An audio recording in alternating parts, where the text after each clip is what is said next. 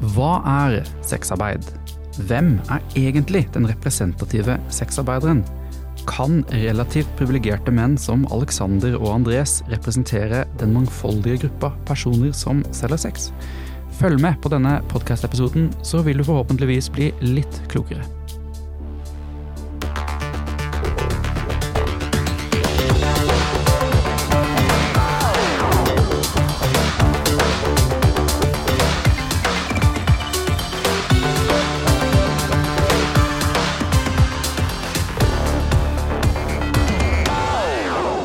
Velkommen til podkasten Menn som selger sex, som er en podkast i regi av avisa Vårt Oslo. Vi er to som skal eh, lose dere gjennom denne podkasten. Jeg heter Andres Lekanger. Jeg skrev i sin tid en bok kalt eh, Prostitusjon pro et contra gjennom Humanist eh, Forlag, og er i dag ansett som talsperson og feltarbeider i Pion, sexarbeidernes interesseorganisasjon. Er her for min egen del, bare så det er sagt. Eh, vi er som sagt to som skal lose dere gjennom, og jeg sitter da sammen med min makker, som skal få lov til å få presentere seg selv. Jo, eh, mitt navn er Alexander Sørli. Eh, jeg har jo også litt sånn diverse verv. Jeg har jo også vært knytta til blant annet Pion. Ellers er jeg utdanna sykepleier og jobber som fagkonsulent på et sted som heter Prosenteret. Dog litt viktig for meg å poengtere her at jeg ikke representerer verken Pion eller Prosenteret i denne podkasten. Viktig presisering er også her som, eh, som, meg selv, og ikke på vegne av Pion. Eh, denne podkasten eh, heter jo da Menn som selger sex. Og hvem er disse mennene da, Aleksander? Ja, si det. Det fristende svaret her er jo å si oss, da. Mm. Jeg føler at det er jo sånn implikasjonen, er det ikke det? Det er jo det. Um, jeg har jo for min egen del uh, hatt noen erfaringer med å selge sex i fortiden. Uh, jeg tenkte på det før jeg kom hit, at ja, det var vilkårlig, men jeg husker første gangen, da var jeg 20 eller 21 og ville prøve, så det var ikke så veldig vilkårlig. Uh, det var ikke et spesielt spennende mm, sexsalg, uh, men det gjaldt jo også 99% av de øvrige sextreffene som vi hadde den gangen. Men etter det så var det litt mer sånn vilkårlig, og jeg er vel ikke den eneste mannen som har fått tilbud på sjekkeapper som Gaysir og Grinder om å selge sex. Utover det så har jeg Så driver jeg med litt amatørpornoproduksjon. Uh, og det er jo litt mer systematisk enn de vilkårlige erfaringene. Det er jo jobb, på en måte. Uh, jeg tjener jo så vidt det er til at, at jeg får salt i suppa, men penger er jo heller ikke poenget der. Um, og hva med deg? Ja, hva med meg? Um, kanskje, litt kort, kanskje du kan også bare fortelle folk sånn hva forskjellen på liksom selge sex og porno er? For jeg tenker kanskje at det ikke er sånn en helt sånn intuitiv forskjell da, for alle de som lytter.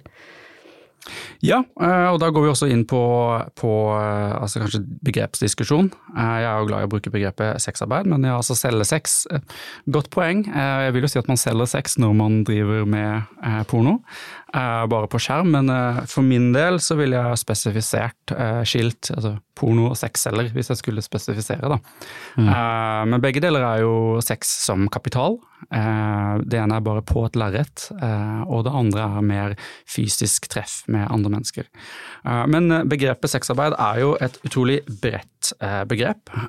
Det er veldig spennende, syns jeg. Det kan jo være alt fra stripping til porno, til å selge sex, og så kan man jo dra det enda lengre og tenke altså hvor er, er, banktjenester som leverer banktjenester til et bordell en del av sexindustrien, ikke sant? Det. Ja, det er jo det er jo sånn spennende der. Ofte når man snakker om altså i hvert fall vi som vi jobber på prostitusjonsfeltet, da, eller som selv har måte, erfaring med å ja, selge sex, da, vil jo ofte forstå liksom, det å selge sex som det som man ofte kaller liksom, prostitusjon. Den der tanken om å måte, selge en seksuell tjeneste eh, ansikt til ansikt, fysisk, kroppslig, til en annen person.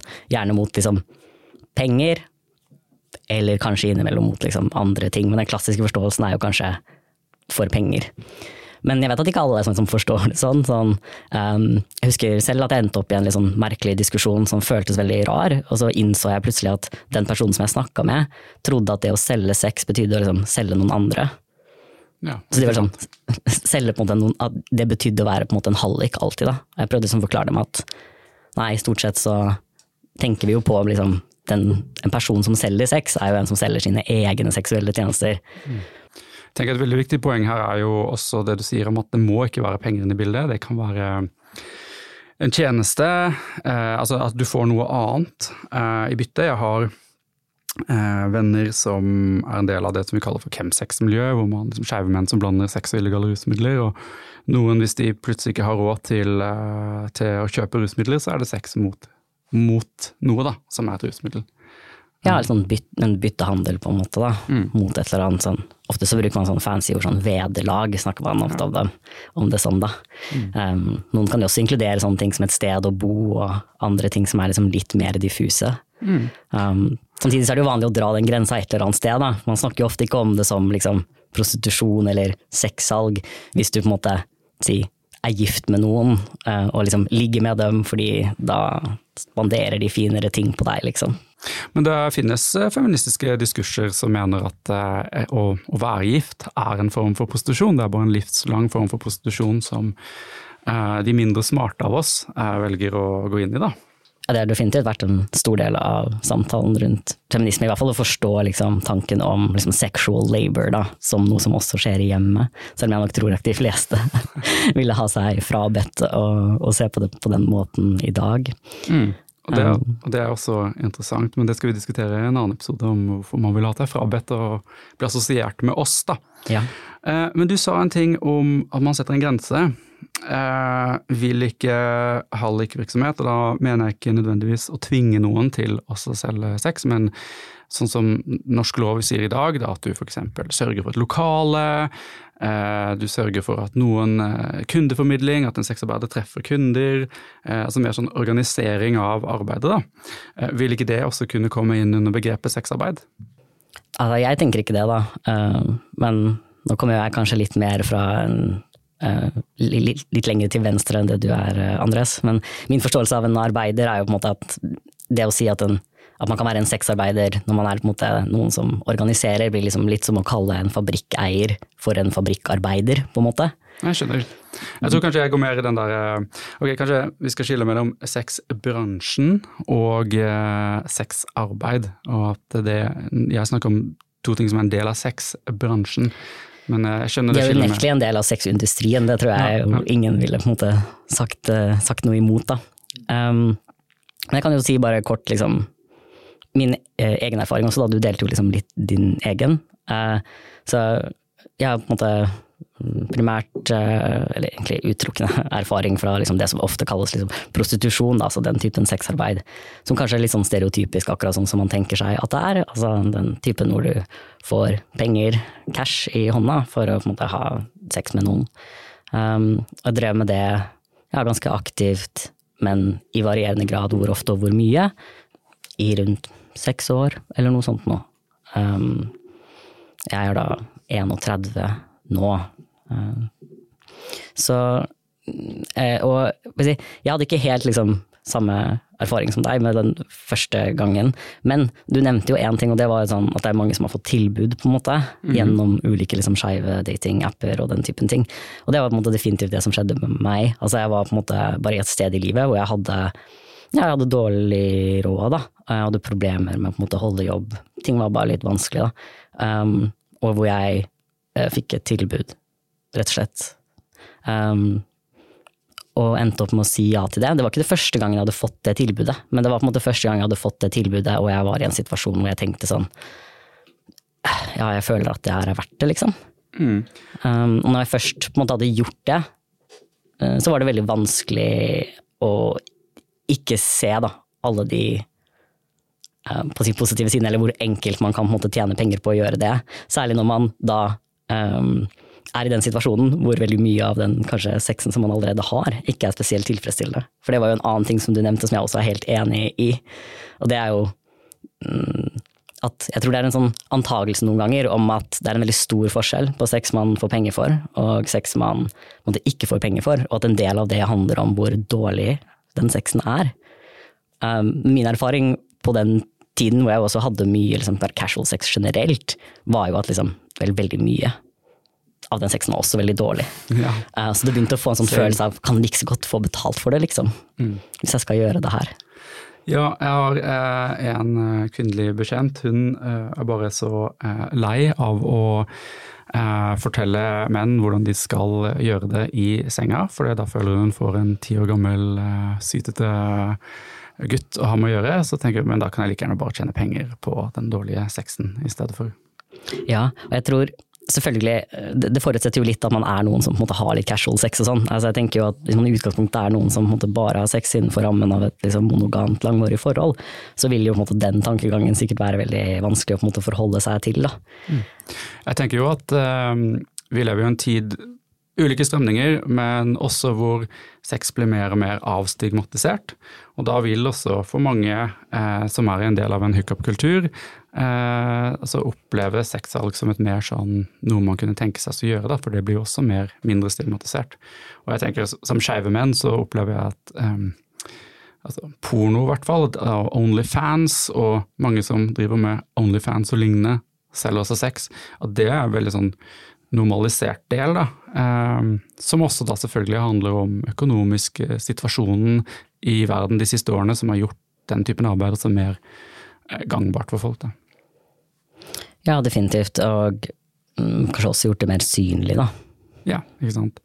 Dagens problemstilling er kan du og jeg representere sexarbeidere?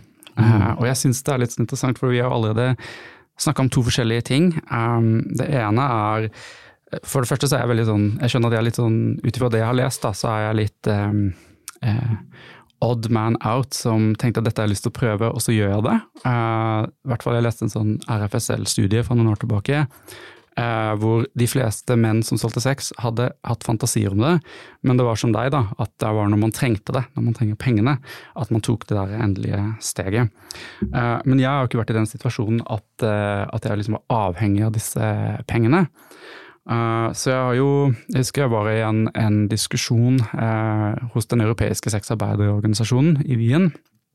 Eh, og da var jeg litt sånn opptatt, da fikk jeg litt sånn kjeft fordi jeg ville liksom Jeg tok på en måte avstand fra at jeg var sexarbeider, eh, og det var fordi jeg tenkte at jeg kan ikke representere de som har vært avhengig av penger, som har vært på gata, eller liksom jobba systematisk innendørs. Og, og da fikk jeg veldig sånn kjeft av, eh, av disse folka. For jo, har du gjort det én gang, så har du kjent på stigma, og da er du en sexarbeider.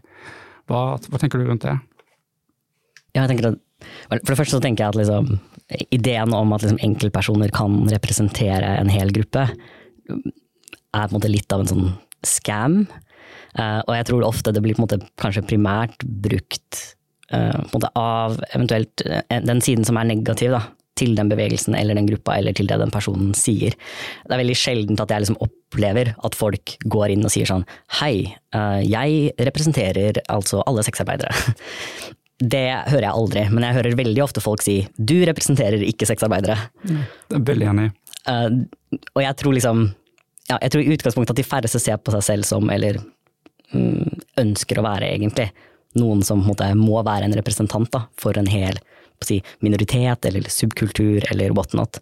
Men det man selvfølgelig kan snakke om, er jo sånn Er vedkommendes erfaringer, på en måte, mm, av en sånn art da, at vi kan dra noen At vi kan liksom lære noe fra dem, eller dra noen konklusjoner fra disse erfaringene, som vil være liksom relevante for en stor andel av andre innenfor det feltet. Det er kanskje liksom en mer interessant måte å, å liksom formulere seg på, da. Um, og da blir jo Ja, da er det jo et overspørsmål, da, om vi måte er representative. Men uh, vi mener jo kanskje litt selv at vi på en måte ikke kan representere den store helheten, og det er jo kanskje litt av grunnen til at vi valgte å ha liksom, menn som selger sex også, fordi ofte så anses det jo, i hvert fall av samfunnet generelt, da, at for å være, kunne være representativ for sexarbeidere, så må du være en kvinne. Ja, Det er jo det ene. Veldig godt poeng. altså Kjønnsperspektivet. Og det var jo veldig viktig for oss at hvis vi først skal ha en podkast om uh, sexarbeid, så skal det være menn og transpersoner som er to eh, grupper som ofte altså, usynliggjøres i den veldig heteronormative debatten. Um, og hvis uh, vi er med, da, kanskje forstås forskjellig. altså Det er veldig lett at man automatisk tenker at en kvinne som selger sex, hun må jo ha det kjipt og jævlig. Og så tenker man mye lettere at en mann som selger sex er veldig uavhengig. Eh, men kvinnen kan jo være uavhengig, og mannen kan ha det veldig kjipt. Det er jo mange nyanser eh, i det, i det her, da. Eh, det er mye kjønnsstereotypier knytta til det. For å gå tilbake litt til det du også sa, at man kan på en måte ende opp også med å distansere seg for mye. Altså på en sånn måte at man kanskje stereotyperer, da. Hva tenker du på? Nei, sånn som du sa i begynnelsen, at man kan dra på en konferanse eller plutselig henge med andre sexarbeidere, og så få et sånt behov for å liksom ta avstand fra andre personer som er sexarbeidere. Jeg tenker Det er også en sunn ting å prøve å utforske med seg selv. Da. Altså, hvorfor, eh, hvorfor, føler jeg det sånn, eller hva er det som har gjort at jeg føler at jeg ikke kan kalle meg en sexarbeider hvis jeg ikke er liksom tilstrekkelig representativ, for da. Eller ikke møter alle de her kriteriene. Men jeg har liksom definitivt liksom følt litt på det sjæl, men i en litt annen kontekst. Uh, en av de liksom første gangene som jeg solgte sex, så avtalte jeg uh, med noen han skulle plukke meg opp da, i en bil. Og han ønsket å plukke meg opp liksom, ved festningen. Um, og for de som ikke vet det, liksom, festningen ved Skipgata i Oslo er på en måte et sted der hvor veldig mange selger sex på gata, eller i hvert fall gjorde det da. Dette her er jo en stund siden. Um, og han brukte ganske liksom, lang tid på å komme, og jeg visste ikke helt liksom, hvordan bilen hans var. Eller, um, så jeg fikk en veldig sånn awareness da, når jeg sto der. Um, at liksom, ok, jeg har på meg liksom er liksom en ung, ung mann med liksom lærjakke og liksom liksom ripped jeans, og liksom sto med liksom en sigg i hånda, det regna under liksom ved festningen, og på en måte intenst stirra på alle bilene som kjørte forbi, uh, og innså at liksom Jeg hadde tenkt, tror jeg, litt at liksom mitt kjønn ville verne meg fra å bli oppfatta som noen som var der på en måte for å selge sex, men jeg oppdaga jo veldig fort at det ikke var tilfellet. Altså sånn folk definitivt liksom så på meg på en måte hvor de liksom åpenbart at de skjønte hva jeg ønska. Og en av måtene det skjedde på, var at en kvinne som også sto solgt der, kom bort til meg og på en måte begynte å snakke til meg som om det var åpenbart at hun og jeg var i samme situasjon. Mm. Og hun var da en, um, litt eh, eldre kvinne fra um, Øst-Europa som jeg, hvor jeg da, veldig tydelig i mitt hode, tenkte at men hun og jeg er jo helt forskjellige.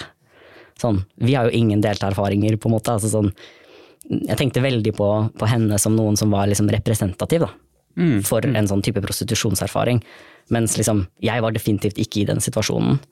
Um, og fikk en litt sånn Jeg måtte merket at jeg måtte liksom møte meg selv litt der, da. Idet jeg liksom innså at ok, men vi står nå faktisk begge her liksom faktisk fysisk på samme sted for å bli plukka opp av en kunde, mm. for å selge seksuelle tjenester. Hva er det som gjør at jeg liksom tenker at Hvorfor, hvorfor, tenker jeg at hun og jeg er fundamentalt forskjellige, mens hun åpenbart ikke gjør det, da? Ja, hvorfor tror du, hva tror du er svaret på det?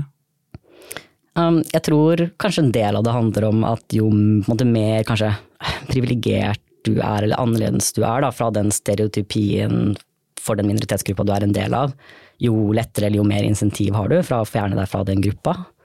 Så det var det du mente med at man kan fort eh, bidra til en slags negativ stereotypi? Ja, jeg tenker det. Mm. Jeg tror i hvert fall for meg at det handla litt om det. Nå er kanskje min situasjon litt sånn annerledes enn din, bare i kraft av at det var på en måte Det var ingen tvil om at liksom det jeg drev med, var sexarbeid eller sexsalg i en sånn i den forstanden begrepet ofte brukes, da. Men samtidig så eh, tenkte jeg sånn øh, Ikke sant. Jeg kan klare å finne liksom, andre muligheter. Jeg har ikke vært utsatt for liksom, menneskehandel. Um, det, det, var på en måte så mange faktorer der, da.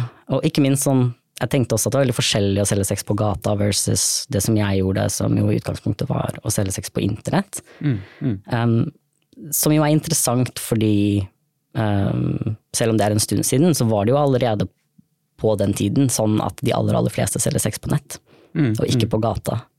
Men dette bildet av liksom sexselgeren som på en måte en type kvinne som har blitt utsatt for menneskehandel og eller er i tung rus og som selger sex på gata for liksom veldig lite penger, um, satt veldig sånn dypt i meg, da.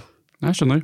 Det er ganske interessant. Altså få fram et, eh, som du sier, få fram et mangfold av stemmer, et mangfold av erfaringer. For det er jo ofte i debatten én eh, type eh, erfaring vi ser, og det er jo kanskje denne kvinnen som er utsatt for eh, menneskehandel eller eh, er skadet på en eller annen måte, en indre skade. Um, og jeg tenker jo at det også er eh, noe som visse aktører i debatten ønsker.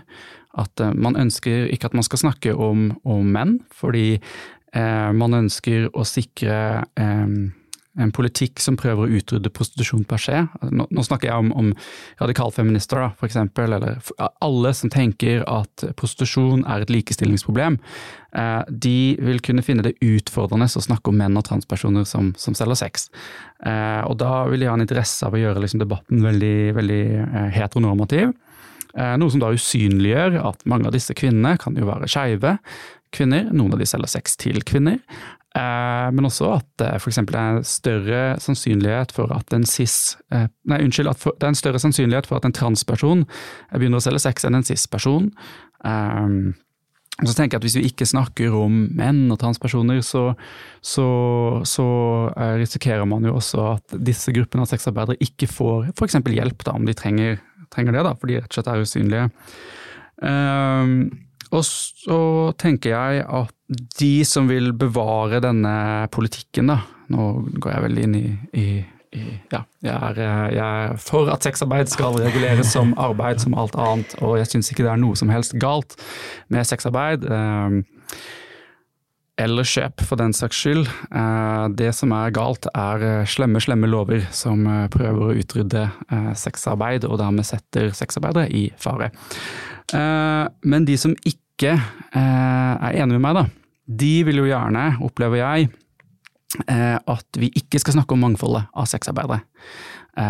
For eksempel så var jeg og snakket med Helse- og sosialutvalget i byrådet for å snakke om at personer som selger sex, da, ikke har tilgang til helsetjenester i denne byen på lik linje med andre. Det kan f.eks. være en person som har behov for eh, psykologhjelp, fordi sexarbeidere som alle andre er kompliserte mennesker. Eh, men med en gang du sier til terapeuten at 'jeg har solgt sex', da er du ikke et komplisert menneske med kanskje depresjon, opplevd vanskelige ting i barndommen, whatever.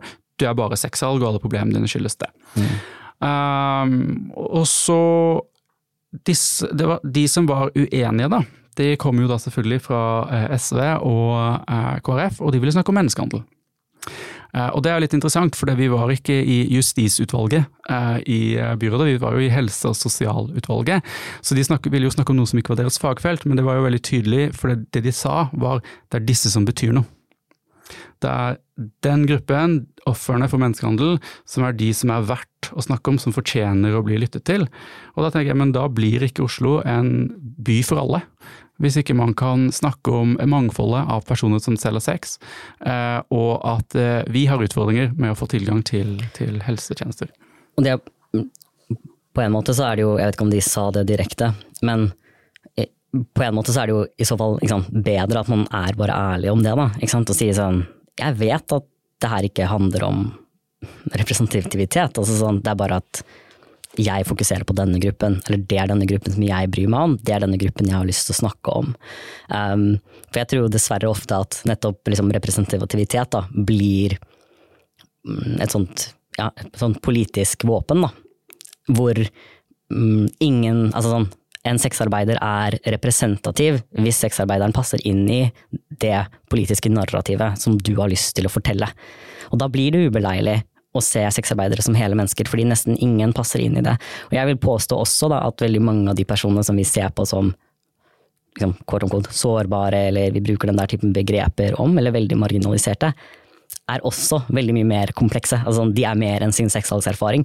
Veldig mange av dem er også liksom, ganske ressurssterke. Altså, sånn, det å selge sex er faktisk ofte noe som krever ganske mye av deg.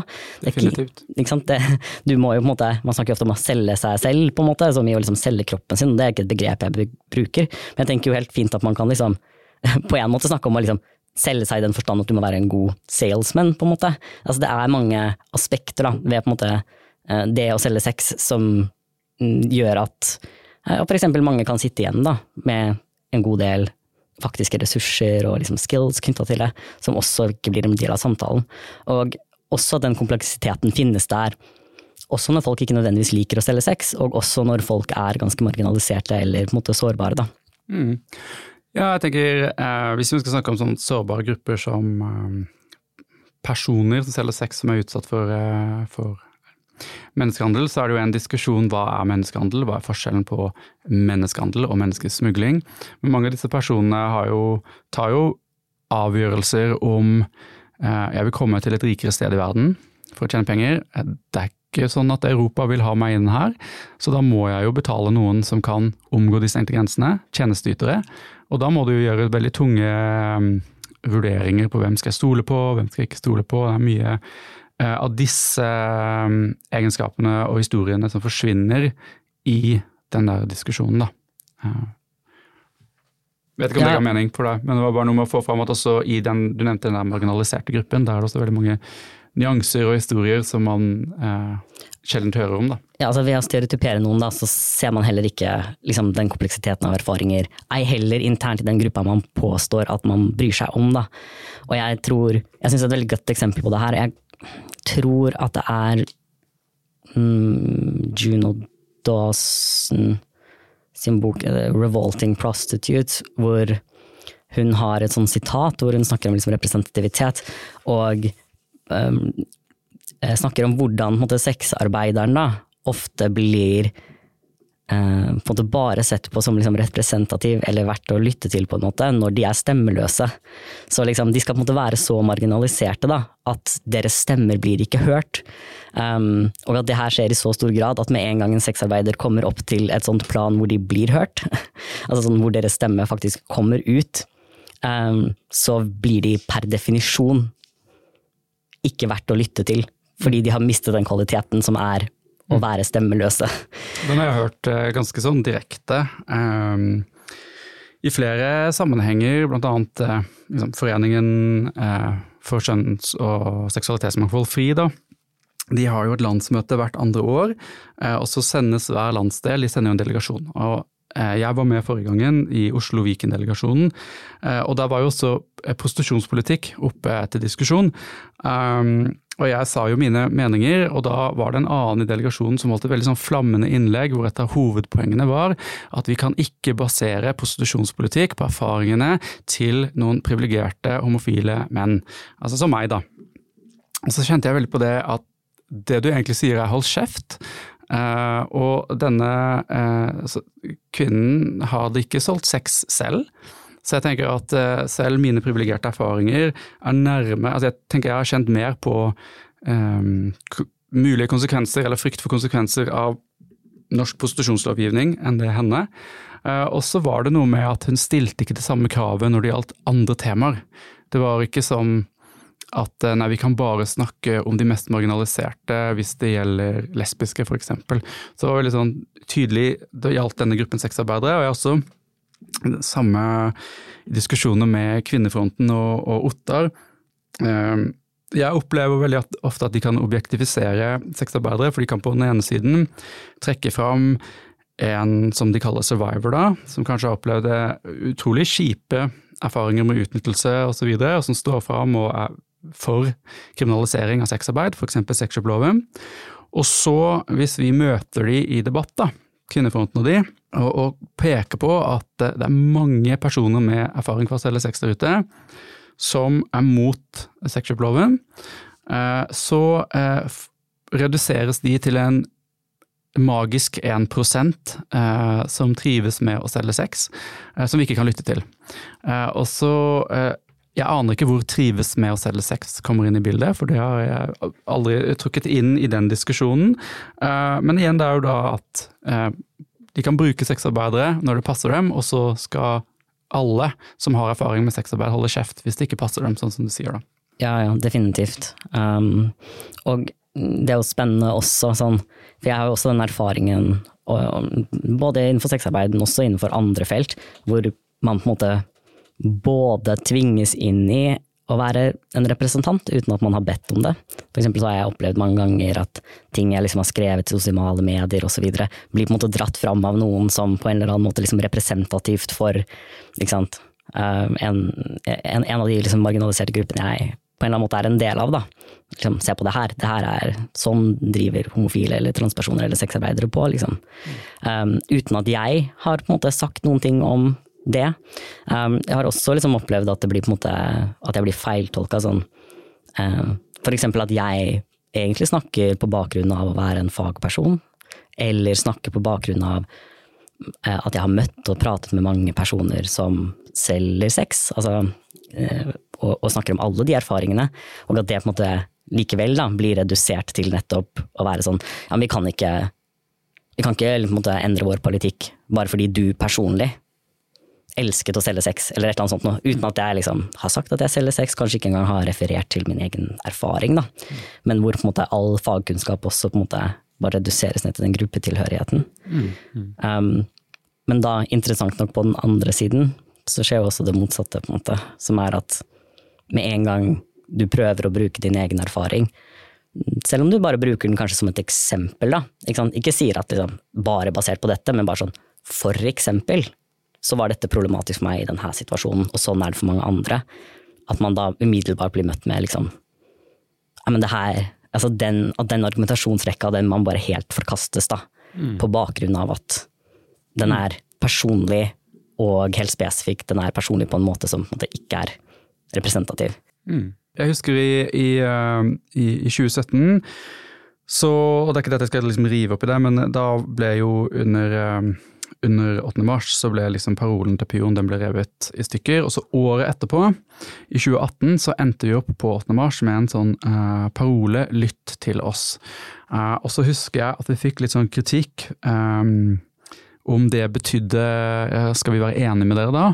Eh, og så er det jo også altså, Personer som selger sex eller har andre sexarbeiderfaringer, er jo også en veldig mangfoldig gruppe mennesker. Noen eh, har opplevd helt jævlige ting i sexbransjen. Uh, uten at de vil at den skal kriminaliseres. Andre har, vil at uh, vi skal ha sexshoploven og hallikparagrafen osv. Så, videre. så um, hva mener vi når vi sier lytt til uh, sexarbeidere, Aleksander?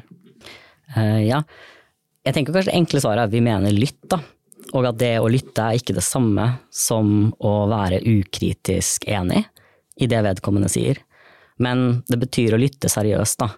Og jeg tror generelt, altså både når vi snakker om liksom lytt til sexarbeidere og når man snakker om andre marginaliserte grupper, det man mener med lytt er at eh, akkurat på det her feltet så har vi en grunn til å tenke at personer som har egen erfaring, eh, sitter på da en ervervet kunnskap om vel, det å være noen som har solgt sex, da, eller være noen som eh, har jobbet på et kriminalisert felt, eller være noen som har opplevd stigma på dette feltet, uh, og at den, den, kunnskapen da gir dem en innsikt eller et innblikk i den tematikken som diskuteres, som de aller fleste som ikke har den erfaringen, ikke har.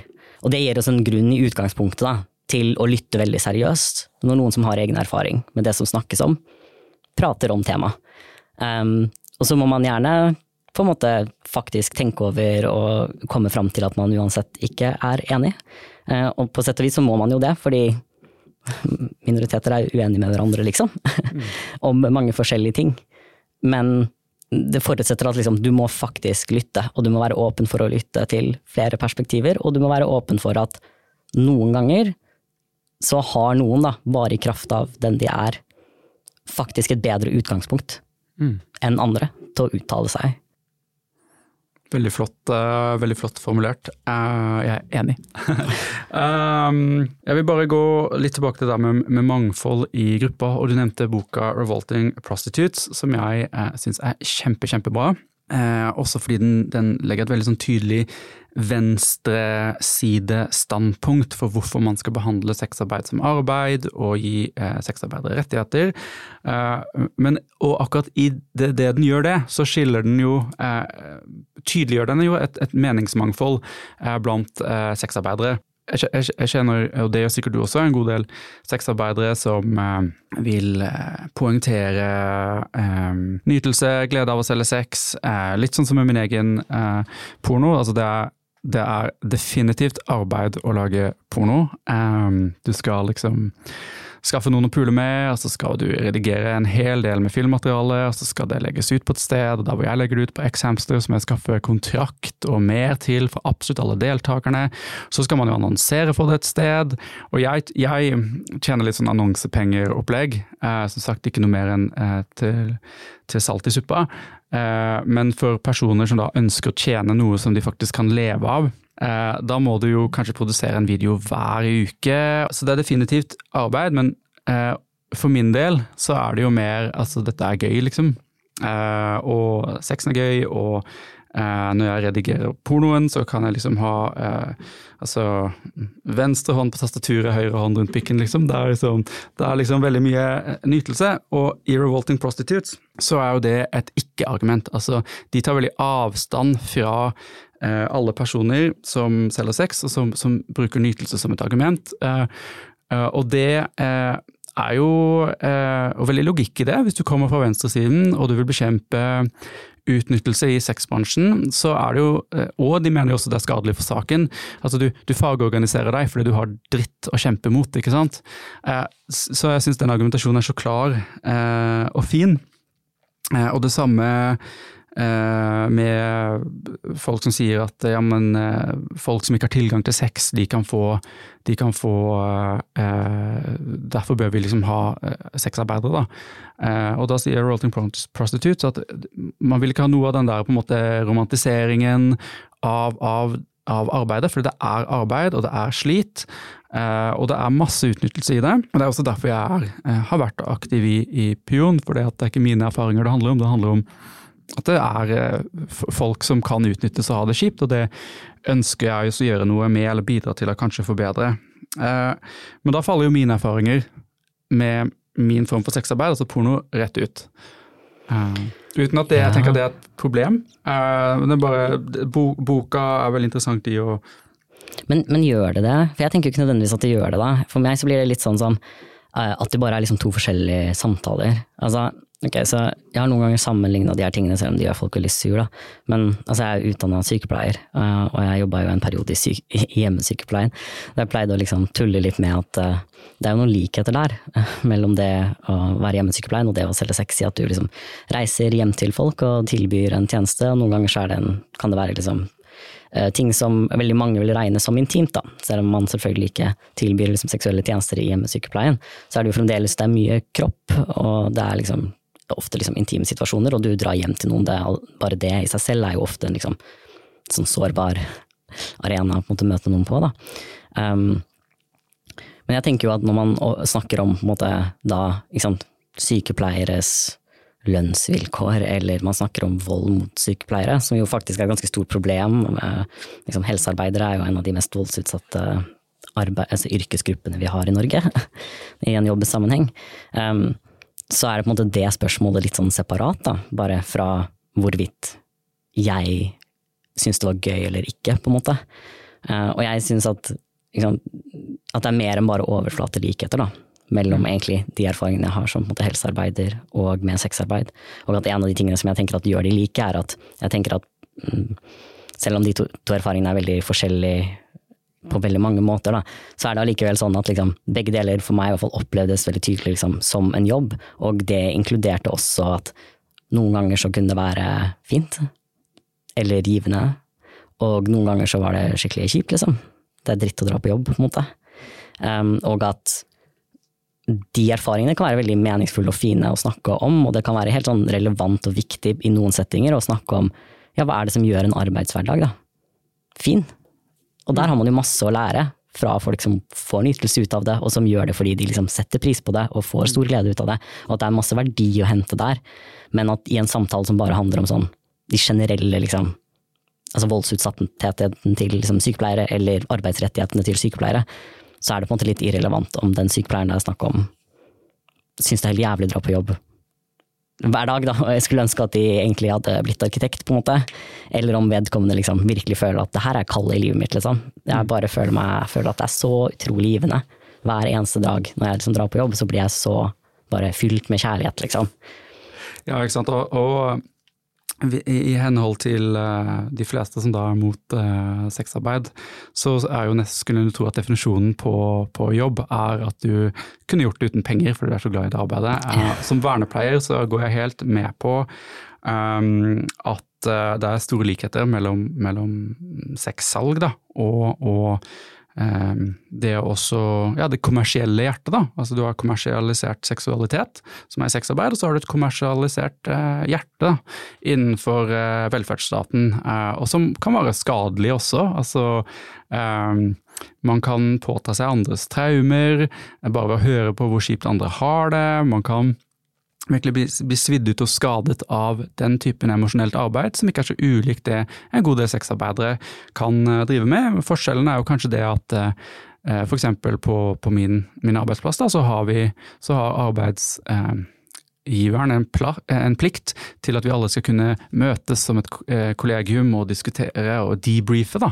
Det har jo ikke nødvendigvis sexarbeidere, men tvert imot, kanskje pga. stigma, så isoleres sexarbeidere fra hverandre. Og, og, og dermed mm, altså, bli skadet av at man ikke har noen å liksom dele erfaringer med. Sånn som for meg så har det betydd masse eh, å kjenne deg, å kjenne andre gjennom, gjennom mm, som jeg har møtt gjennom Pion andre sammenhenger, og bare det å kunne ha noen eh, å, å snakke med, eh, beskytter mot stigma. Det å ha noen som heier på en og, og liksom er med på å utfordre de forestillingene man møter fra andre. da. Eh, men jeg hadde lyst til å nevne litt om at eh, i forhold til eh, sexarbeid for nytelses skyld, da, og skade, siden vi nevnte skade i det kommersielle hjertet.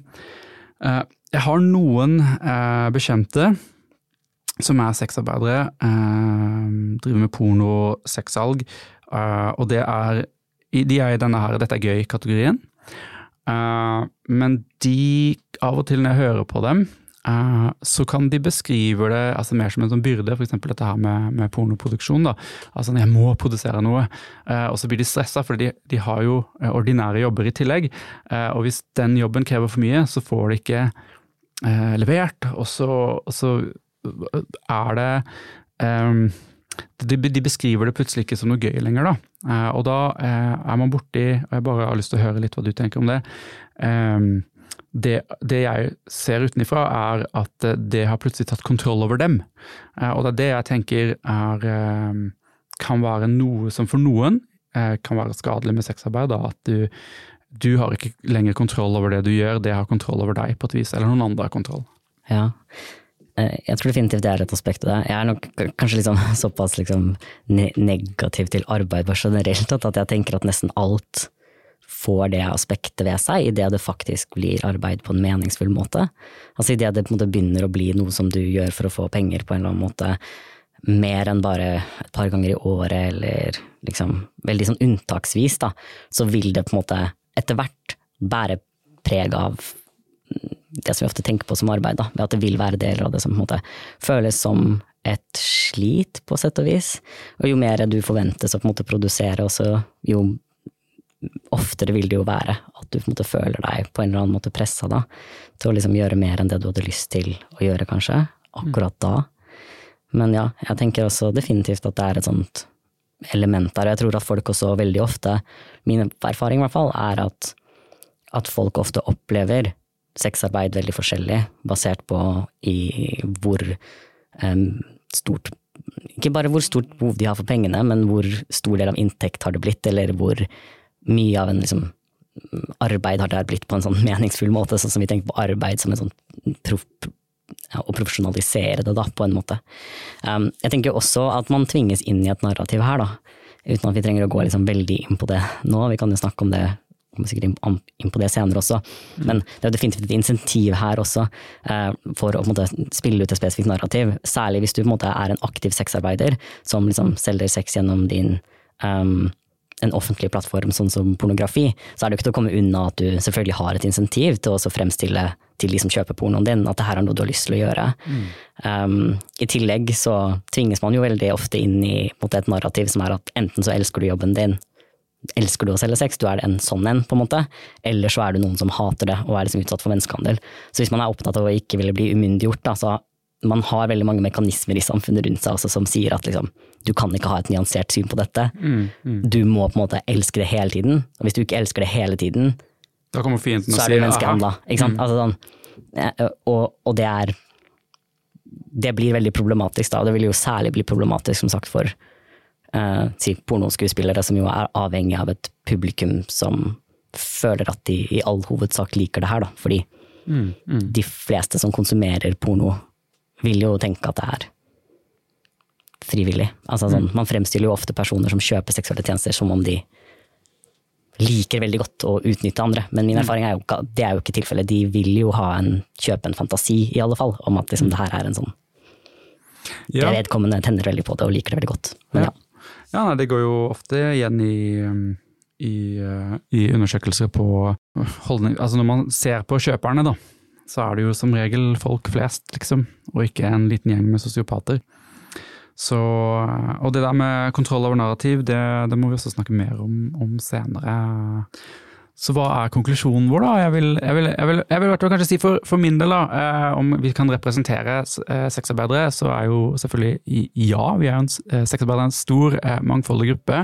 Um, men eh, man skal ha tunga lett, rett i munnen. Eh, hvis jeg uttaler meg om politikk, så er det som en fagperson som har jobba på dette feltet og snakka med, med, med kvinner, transpersoner og menn som selger sex eh, fra ulike deler av ulike lag av samfunnet, fordi jeg har lest rapporter, fordi jeg er liksom informert. da. Eh, Det er der jeg diskuterer eh, politikk, men når det gjelder stigma, eh, som jeg veldig gjerne vil vi skal diskutere mer en annen gang, da er, jeg mer sånn ja, vi sexarbeidere, for det tenker jeg rammer eh, likt og ulikt alle typer sexarbeidere. Hmm. For min del så håper jeg jo kanskje at den her mm, podkasten på en måte kan bli en måte å bare vise fram eh, at de av oss som selger sex, da, veldig ofte er personer som har tanker og følelser om det her, som er komplekse og nyanserte. Vi har tenkt over de her strukturene, vi også.